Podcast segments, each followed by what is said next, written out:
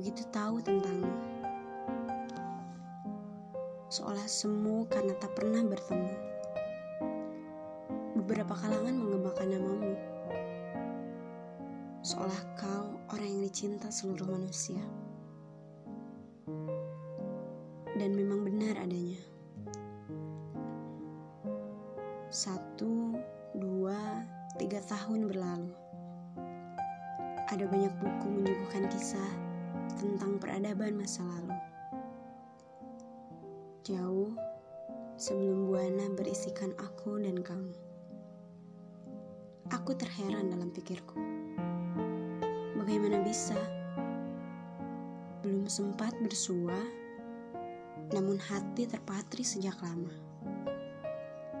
Yang entah dari mana datangnya. Bagaimana bisa?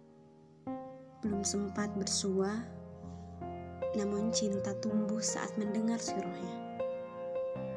Bahkan beberapa orang akan terketuk imannya, walaupun hanya mendengar namanya. Bagaimana bisa?